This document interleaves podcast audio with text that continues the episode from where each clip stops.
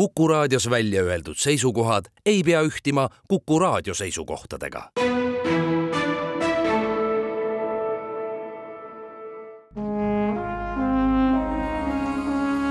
Vanemuise veerand.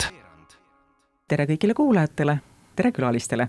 täna on saates külas dirigent Taavi Kull, tervist. tere. ja meil on teine külaline veel, selleks on Mikk Saar, tervist.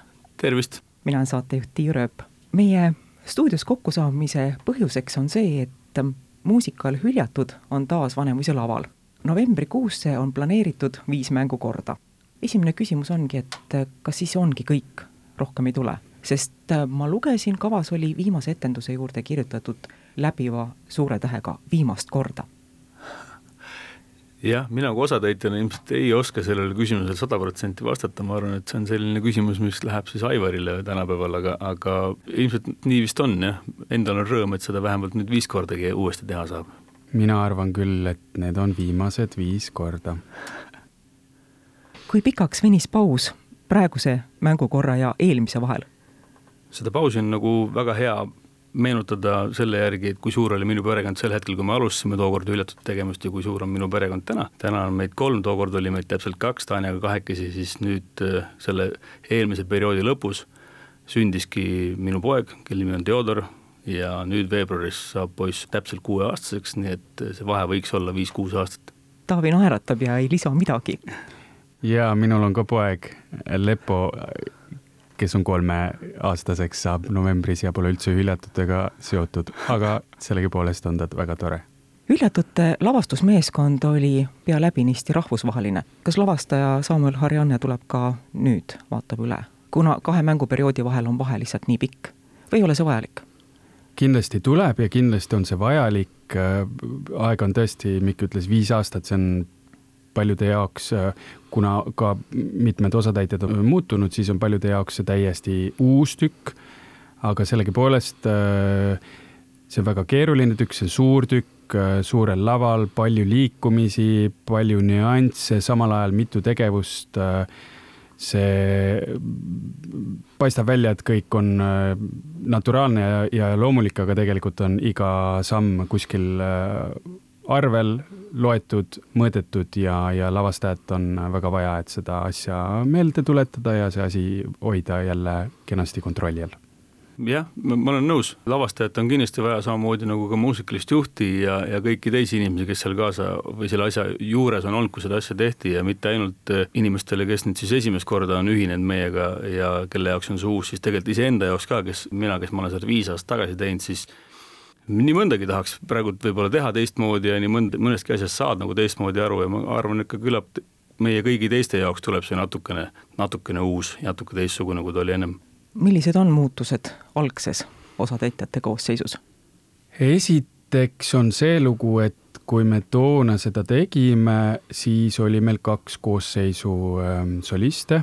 praegu taastades me teeme need viis etendust ainult ühe koosseisuga mõningad äh, väiksemad, ütleme poolväiksemad ja, ja, ja, ja keskmise suurusega rollid on ka täiesti uute inimeste kanda, sest et on ju viie aasta jooksul inimesi läinud ära teatrist, teevad muid asju. Need asjad on muutunud päris suuri asju, võib-olla tooks välja, et Liisa Pajusaar laulab äh, täiskasvanud Coseti rolli, kes vanasti oli Maria Listra ja ja Elizabeth Pavel.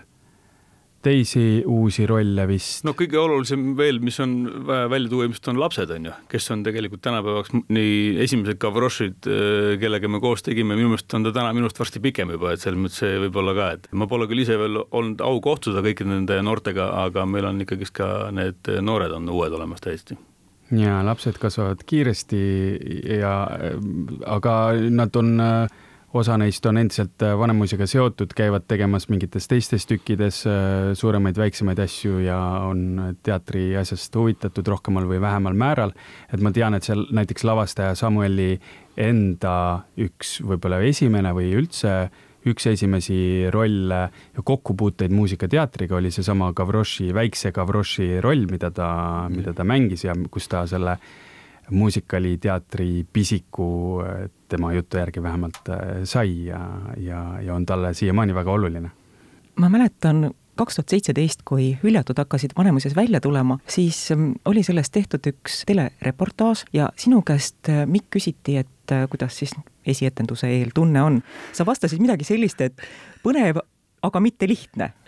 milline su tunne praegu on? ma ei hiilga kunagi oma mingite sügavate mõtetega ilmselt, aga, aga see, see tunne on ilmselt hüljatute eel on kogu aeg samasugune, selles mõttes, et ta ongi ühele tenorile on ta väga suur väljakutse. kindlasti muusikaliteatri maailmas äh, Valžani laulda on äh, väga raske väljakutse ja aga samas ka selline, kui sa sellega nagu hästi hakkama saad, siis on, võid nagu julgelt taguda vastu rinda ja ütelda, et näed, ma olen midagi tähtsat ja asjalikku ära teinud, et äh, ma nagu lähenen sellele, nagu ma ütlesin, sellele samale protsessile, mis meil praegu just algas see taas eh, hüljatud ja lavastamisel lähendan sellele nagu kuidagi värskelt ja, ja, ja Taaviga täna ka koos tööd tehes tundub, et sealt tuleb värskeid asju ja tahaks nagu uuesti vaadata selle asjale peale ja teha seda kuidagi veel paremini, kui ma seda eelmine kord tegin. lisaks sellele intervjuule ma mäletan ka esietendust kahekümne viiendal novembril kaks tuhat seitseteist, nii täpselt see kuupäev, seda ma vaatasin järgi Aha. enne teiega kohtumist. nii mulle kuupäevad meelde ei jää, aga aastaarv on küll täpselt meeles ja esietendusel laulsid sina ja see jättis mulle väga hea tunde sisse. seda on rõõm kuulda.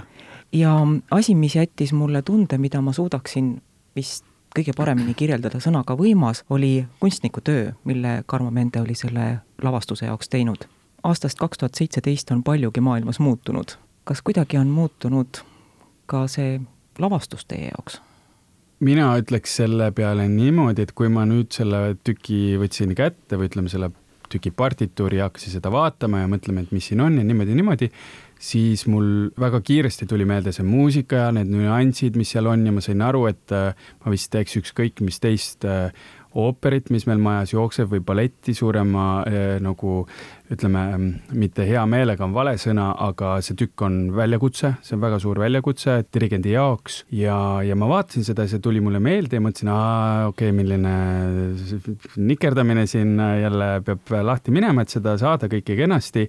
Aga ma sain ka aru, et, et mina olen muutunud vahepeal, on nagu teistsugused ideed ja tahaks teistsuguseid asju ja huvitavad teistsugused asjad see mõte mulle tuli ja, ja mina tahaksin võib-olla seda nagu välja tuua.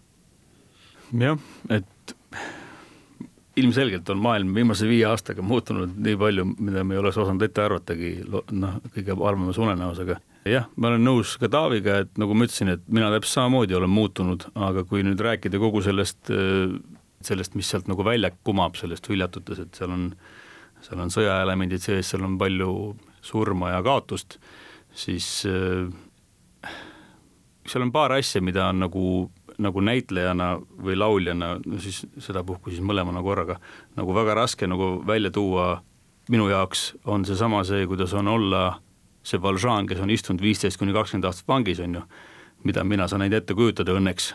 ja teine asi on, kuidas on, kuidas on olla lahingus, me saame neid asju ainult kõige halvemas unenäos võib-olla ette kujutada, aga, aga kui sa oled kunagi olnud koos inimestega, kes on siis emba-kumba, kas siis mingis väga raskes olukorras vanglas istunud või, või on sõjast tulnud, siis sa nende näost näed seda, et sa tegelikult ei, seda nagu järgi etelda lava peal, seda meeleolu või seda nende olekut, seda on, see on, minu jaoks on see ulme, aga me teeme endast oma parima, ma arvan meie jutuajamine kiskus minu algatusel üsna süngeks. loodan, et meeleolu läheb helgemaks, kui te vastate mu järgmisele küsimusele, kas muusikalis hüljatud on teil ka mõni absoluutne lemmik, mis teile teistest lauludest enam meeldib? või mõni koht, mis on eriti südamelähedane?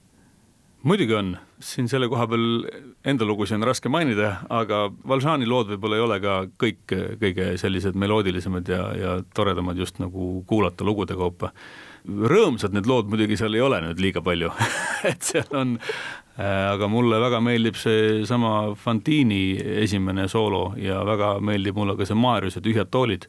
Rõõmust on seal asi jälle väga kaugel, aga, aga mõlemas on, on sees peidus mingisugune mismoodi nad teevad seda, nii Nelelis kui Kaarel, siis ma käin alati salaja neid nagu niimoodi lavanurgast nagu või sealt äksi vahelt nagu vaatamas, et see, mismoodi nad seda laulavad ja see emotsioon, mis sealt välja tuleb, see on mulle alati kohale jõudnud ja ma käin seda ilmselt nüüd järgmised viis korda ka vaatamas sealt vahepealt ja minul on ka üks lemmik ja see on üks äh, Valžani lugu.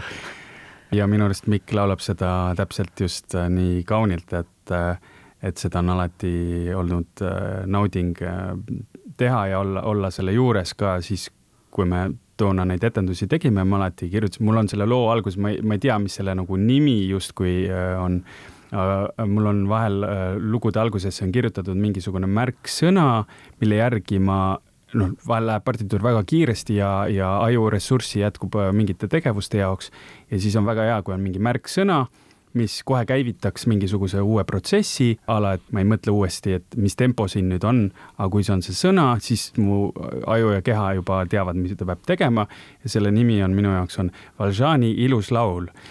väga äh, nagu äh, lihtne, aga tõesti, see on erilise atmosfääriga ja eriliselt delikaatne ja õrn, see on, see on seal teise vaatuse ja, lõpus. mis oktavi hüppega algab äh, ja äh, kohe falseti peale, see on tõeline see on, see on väga, väga. see on ikkagist maailmakuulus muusikalide maailmast nagu niisugune aaria või, kui võib nii öelda, et seda ikka tihti tenorid üritavad laulda ja seda sooritada ja ka mina samas tõe huvides tuleb nüüd üles tunnistada, et see jutuajamine, mida te täna saates kuulsite, see on salvestatud pea nädalapäevad tagasi. saatejuht Tiir Ööp tänab külalisi meeleoluka kohtumise eest. aitäh, Taavi Kõll, aitäh, Mikk Saar, aitäh kõigile teile, kes te meid kuulasite, jälle kuulmiseni! Vanemuise veerand